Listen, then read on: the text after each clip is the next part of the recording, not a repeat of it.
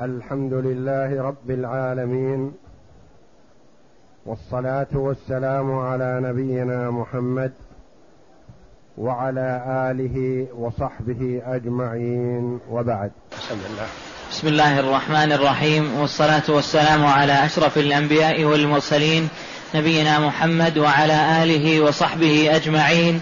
قال المؤلف رحمه الله تعالى فصل وكل بئر ينتفع, ينتفع بها المسلمون أو عين نابعة فليس لأحد احتجارها لأنها بمنزلة المعادن الظاهرة. هذا الفصل فيما لا يجوز للمرء أن يحتجر شيئا لنفسه بينما هو عام. لجميع المسلمين. فيقول رحمه الله وكل بئر ينتفع بها المسلمون. أو عين نابعة فليس لأحد احتجازها. بئر محفورة من قبل يردها الناس. يسقون منها مواشيهم ويأخذون منها الماء. ما يسوغ لأحد أن يأتي فيجددها مثلا ويحتجرها لنفسه لأن هذه مجعولة لعموم المسلمين ينتفعون بها عموما وإنما هو يرد مثل غيره ولا يحتجرها لنفسه. سواء كانت بئر أو عين لانها بمنزله المعادن الظاهرة مثل المعادن الظاهرة يعني مثل الملح ومثل الطين والجص والنورة والأشياء هذه التي لعموم المسلمين يحتاجونها ما يجوز لأحد أن يحتجرها لنفسه وإنما يأخذ منها كما يأخذ غيره. نعم. ومن حفر بئرا ومن حفر بئرا لغير قصد التملك إما لينتفع بها المسلمون أو لينتفع بها مدة ثم يتركها ولم يملكها لم لم يملك. لم يملكها. وكان أحق بها حتى يرحل عنها ثم تكون للمسلمين. هذا فيما إذا حفر بئرا لعموم المسلمين. ما قصد التملك. ما نقول هذه ملك لفلان هذه حفرها وجعلها يستقي منها المسلمون. ما يتملكها بهذا لأن نيته عدم التملك. الشيء الثاني حفر بئرا ليسقي منها ماشيته أو يعمل عليها مثلا مصنع طابوق أو لبن أو نحو ذلك من الأشياء يعني حفرها لاجل أن يستخرج ماءها لينتفع به في وقت. عنده عمارة عنده مشروع عمائر ونحو ذلك حفر بئرا في البرية أو في الموات لأجل هذا الهدف.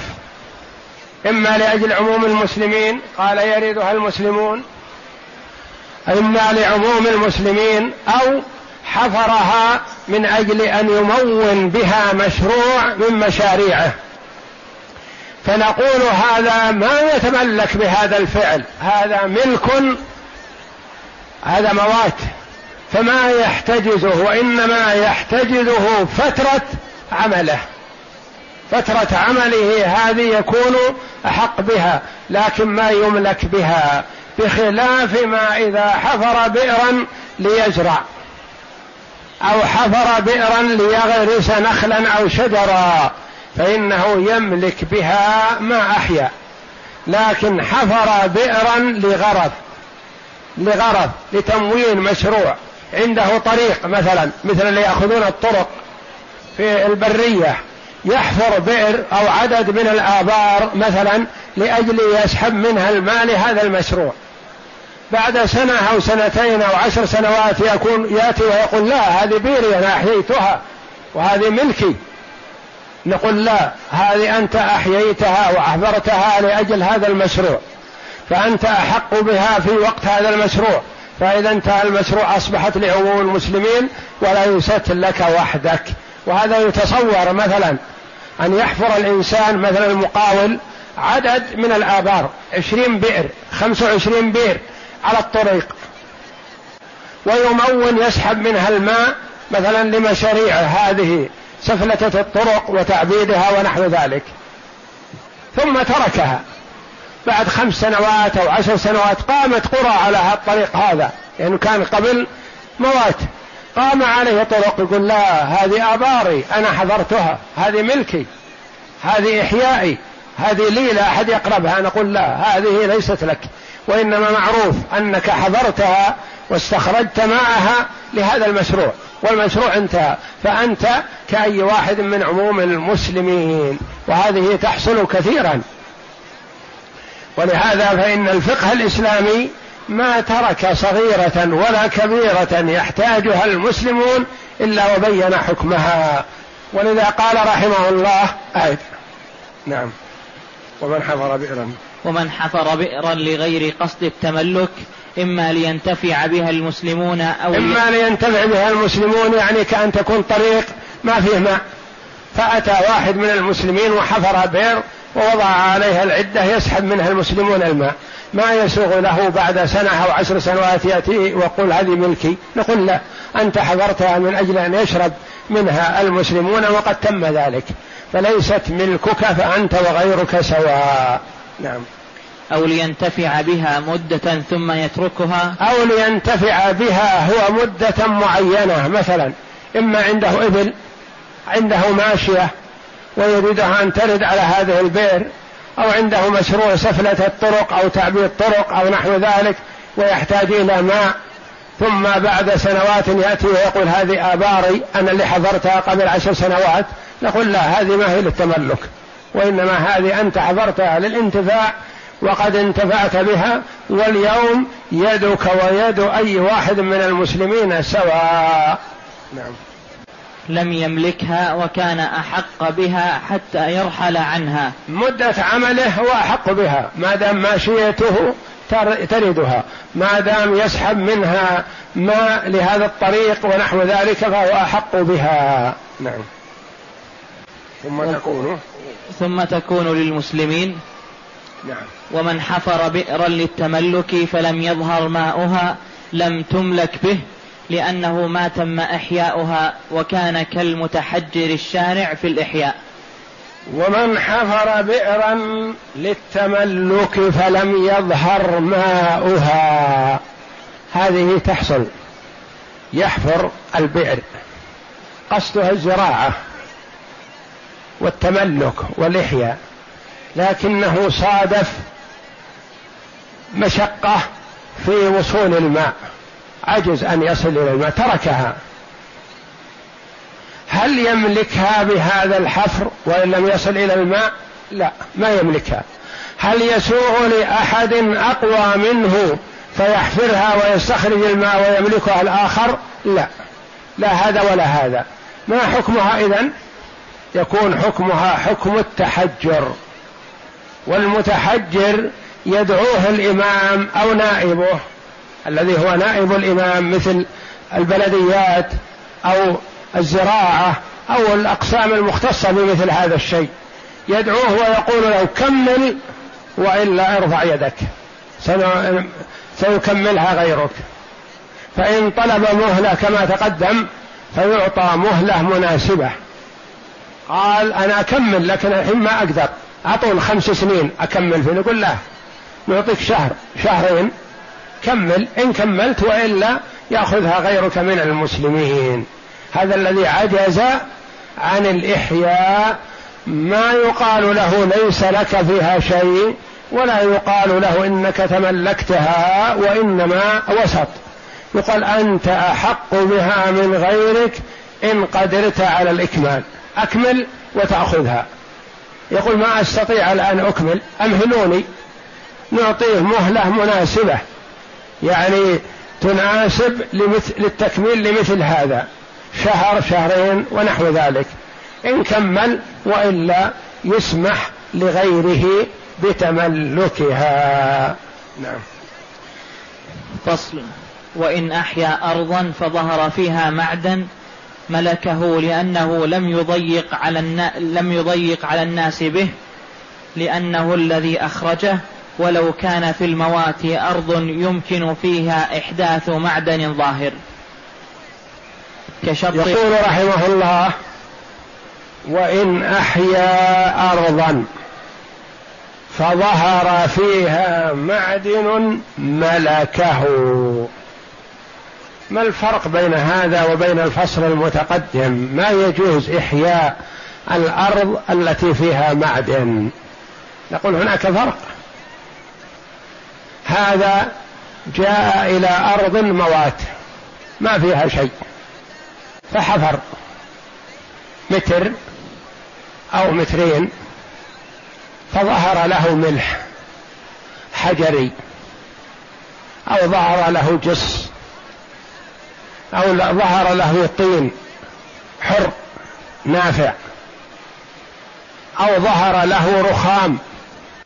أو ظهر له شيء يصلح استخراج الحديد منه أو استخراج الذهب منه أو استخراج الفضة منه نقول ملكه الفصل المتقدم جاء إلى أرض فيها معدن ظاهر وقال أريد يحييها وتحجرها وأحياها هل يملكها؟ لا جاء إلى مكان فيه ملح سبخة فيها ملح بنى عليها سور. وقال هذه ملكتها بالسور أنا. نقول لا هذا ملح معدن ظاهر يشترك فيه المسلمون عموما. الثاني ليس فيها شيء ظاهر وإنما هذا عمل وحفر وخرج له هذا المعدن ملح أو رخام أو جص أو نورة أو شيء من هذا أو حديد أو ذهب أو فضة أو أي نوع من أنواع المعادن. ملكة. قال هنا لأنه لم يضيق على المسلمين. هذاك ضيق على المسلمين فيما يستفيدون منه. شيء ظاهر مطاين للمسلمين يأخذون منها الطين. جاء واحد وأراد أن يسورها يقول لا هذه ما تملك. هذه فيها شيء يستفيد منه عموم المسلمون ما يتحجرها واحد. أرض ليس فيها شيء ولا ظهر فيها شيء حفر.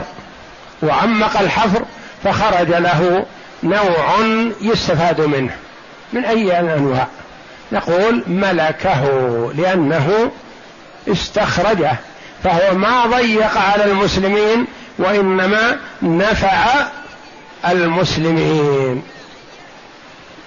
وإن أحيا أرضا. وإن أحيا أرضا فظهر فيها معدن ملكه لأنه لم يضيق على الناس به لأنه الذي أخرجه. ولو كان في الموات أرض يمكن فيها إحداث معدن ظاهر كشط البحر إذا حصل فيه ماؤه صار ملحا ملكه بالإحياء لأنه توسيع على المسلمين لا تضييق. هذه صورة أخرى. ولو كان في الموات أرض يمكن فيها إحداث معدن ظاهر.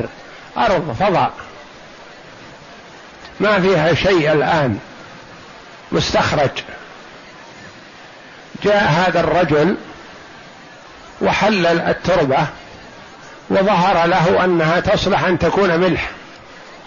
وقيل له إذا سكرت ماء البحر عليها فترة فإنها خلال شهر أو عشرين يوم ينقلب هذا الماء من البحر ملح ويسمى هذا النوع من الملح ملح مائي. فيه نوع يسمى ملح مائي ونوع من الملح يسمى ملح حجري يعني من الحجر لكن هذا اصله من الماء. فسكر ماء البحر عليها فصارت ملح وصار له قيمة وصار الكيل يباع بكذا من هذا الملح وهذا ملح جيد. هل يأتيه شخص ويحل عليه وينزل عليه ويقول أنا وأنت سواء لأن هذا من من الأشياء العامة؟ من الأشياء التي لا تملك؟ لا.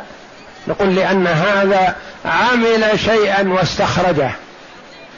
بخلاف الصورة الأولى السمخة التي كان الناس يأخذون منها ملح باستمرار. فجاء أحد يريد إحياءها وتملكها. نقول لا. لكن هذا موات. ما أحد يستفيد منه. وإنما هو أدخل عليه تحسينات وحجر الماء وجعله بنسبة معينة في الارتفاع لأنه إن كان قليل ما نفع وإن كان كثير مثلا ما تجمد فجعله بنسبة معينة فتجمد وصار ملح يباع بالكيلو فهل يملكه؟ نعم يقول لأنه ما ضيق على المسلمين ما كانوا ينتفعون به وإنما وسع عليهم أوجد لهم شيء ينتفعون به بملحه و... لأنه مثل المصنع مثل لو أوجد مصنعا في مكان ما ما ضيق على المسلمين وإنما يسر لهم هذا الأمر. لأنه توسيع على المسلمين وليس تضييق. فصل. ومن سبق إلى معدن ظاهر وهو الذي يوصل إليه إلى ما فيه من غير مؤنة كالماء غير مؤونة كالماء والملح والنفط أو باطن لا يوصل إلى ما فيه إلا بالعمل كمعادن الذهب والفضة والحديد كان أحق به للخبر نعم طيب. فإن أقام بعد قضاء حاجته منع منه لأنه يضيق على الناس بغير نفع فأشبه الوقف في مش... فأشبه الوقف في مشرعة ماء لا يستقى منها ومن سبق إلى معدن ظاهر وهو الذي يوصل إليه إلى ما فيه من غير مؤونة كالماء والملح والنفط أو باطن لا يوصل إلى ما فيه إلا بالعمل كمعادن الذهب والفضة والحديد. هذا معروف معدن. مثل السبخة فيها ملح مثل محل طين حر يستفاد منه مثل نوع يستخرج منه رخام ونحو ذلك. جاء ونزل وبدأ يستخرج ويبيع. هل يملك هذا الموقع؟ لا. هل يأتي شخص آخر ينزل عليه ويزاحمه في عمله؟ لا. وإنما يكون أحق به ما دام نازل. فإذا قضى حاجته منه يكون لعموم المسلمين. فإن تحجره وهو لا يستفيد منه قيل له ارفع يدك ليستفيد منه عموم المسلمين. ولا تتحجره أنت وحدك. ما دام يستخرج فهو يستخرج كغيره. وإذا توقف عن الاستخراج فليس له الحق. اقرأ. فصل ومن سبق. فصل ومن سبق إلى معدن ظاهر وهو الذي يوصل إلى ما فيه من غير مؤونة كالماء والملح والنفط أو باطن لا يوصل إلى ما فيه إلا بالعمل. يعني يحتاج إلى شيء من الحفر. معروف أن هذه فيها رخام لكن يحتاج أنه يحفر متر. أو مترين أو نحو ذلك نعم. كمعادن الذهب والفضة والحديد كان أحق بها أحق به للخبر. من سبق إلى أرض ميتة فهي له نعم. فإن أقام بعد قضاء حاجته منع منه لأنه يضيق على الناس بغير نفع فأشبه الوقف في مش فأشبه الوقوف في مشرعة ماء لا يستقى منها. لا يستقي. شبهه قال فأشبه الوقوف في مشرعة ماء لا يستقي منها. واحد سبق إلى بئر في البرية يستقى منها. فسقى مواشيه. حال سقيه ما أحد يزاحمه لأنه سبق. إذا انتهى من السقي وخيم عليها بخيمة. قال ما أحد يقربها. يقول لا. يقول أنا سبقت إليها. نقول سبقت إليها تنتفع كغيرك من المسلمين لكن ما تتحجرها. أنت أنهيت شغلك ارفع يدك. ما يترك يمنع عنها الناس ويقول يمكن تجي إبلي أو ماشيتي تجي غدا أو بعد غد ما تجد ماء. أنا أحجزها علشان ما يجيها أحد. نقول لا أنت وغيرك سواء لكن إذا سبقت للانتفاع بها فأنت تنتفع بها في هذا الوقت. لكن ما تمنع غيرك منها. هذا قوله رحمه الله. فأشبه الوقوف في مشرعة ماء لا يستقي هو يعني لا يستقي منها. لو وقف في مشرعة ماء يستقي منها لا بأس عليه هو كغيره. لكن انتهى من السقي لكنه حجرها منع الناس عنها فيمنع من هذا. نعم. وإن طال مقامه للأخذ ففيه وجهان. أحدهما لا يمنع لأنه سبق فكان أحق كحالة الابتداء والثاني يمنع لأنه يصير كالمتحجر. وإن طال مقامه فيها طال مقامه فيها يعني الأصل أنه يحتجزها ضحى أو عصر. أو يوم أو يومين يسقي منها ويرفع يده. لكن الرجل ناسب له المكان واستمر. وإبله تذهب وتأتي باستمرار وهو متحجر لهذا الموقع. يقول المؤلف رحمه الله هل ترفع يده أو يترك؟ يقول قولان. فيه وجهان. أحدهما يترك ما دام أنه يستفيد منها فهو سبق إلى هذا المكان فهو أولى به.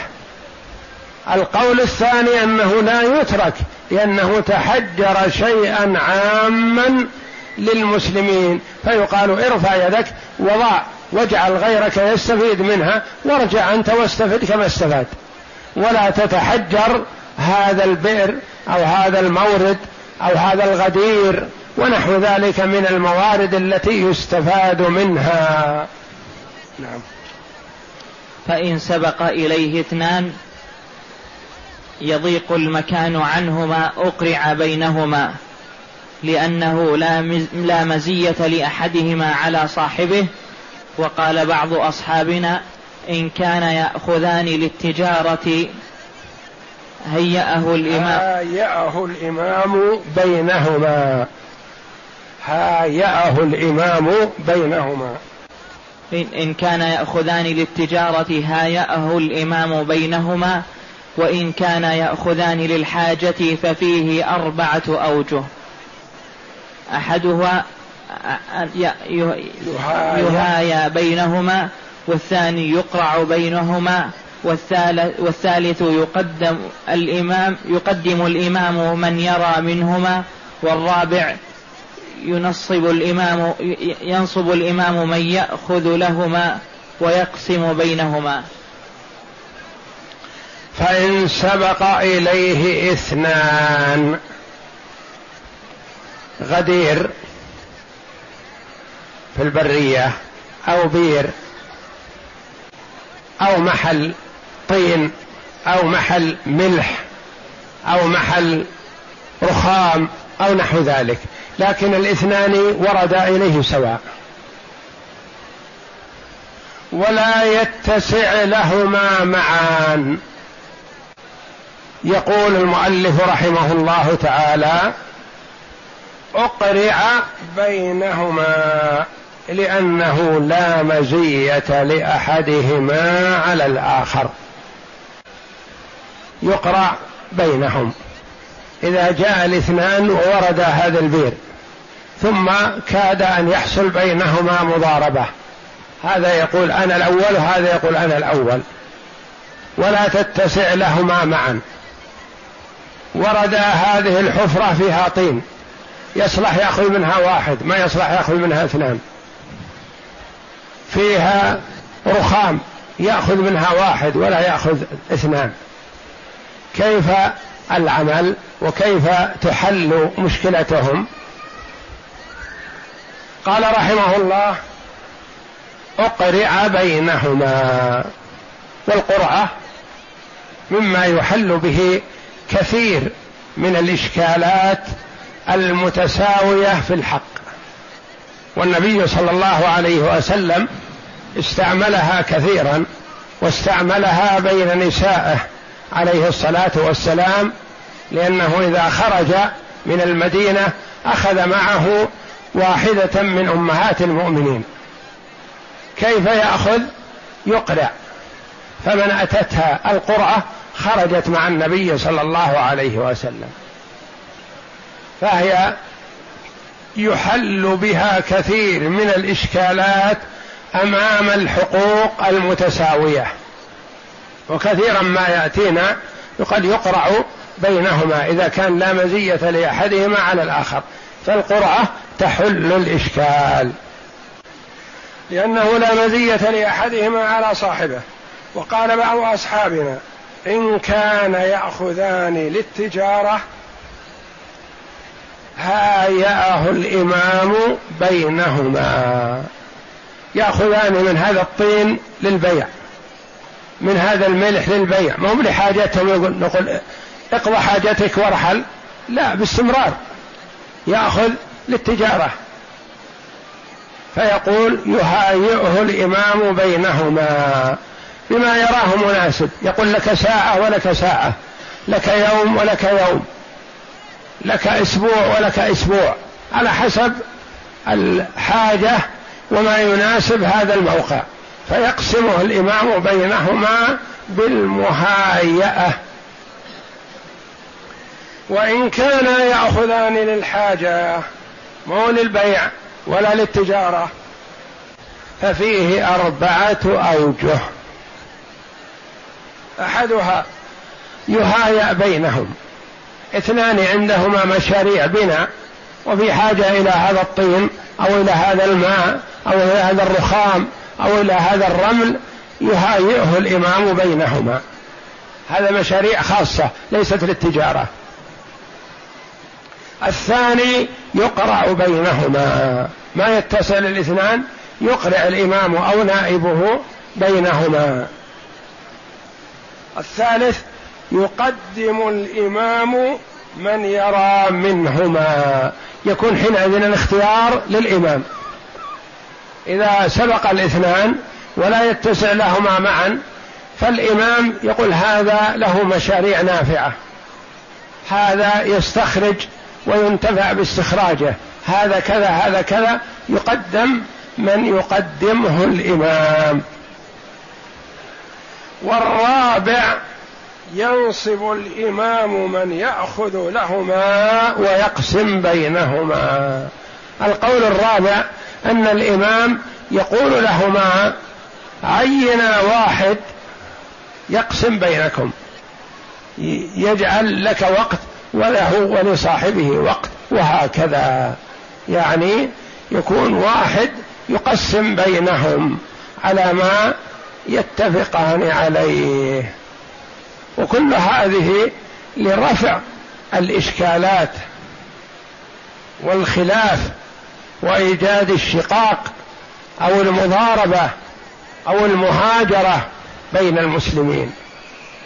الإسلام يريد من المسلمين أن يكونوا إخوة متفاهمين.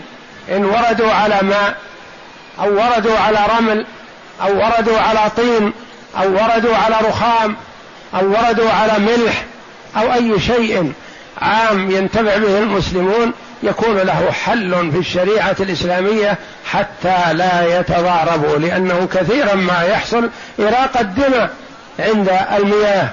وعند الأماكن التي يستفاد منها مرافق عامة مثلا يتنازعان ثم يصل الأمر إلى القتال. والإسلام لا يريد هذا من المسلمين وإنما إذا اختلفوا يرجعون إلى الإمام والإمام له نواب في كل شيء. يعني ما هو لازم نفس الإمام أو الملك أو الرئيس يتولى هذا الشيء.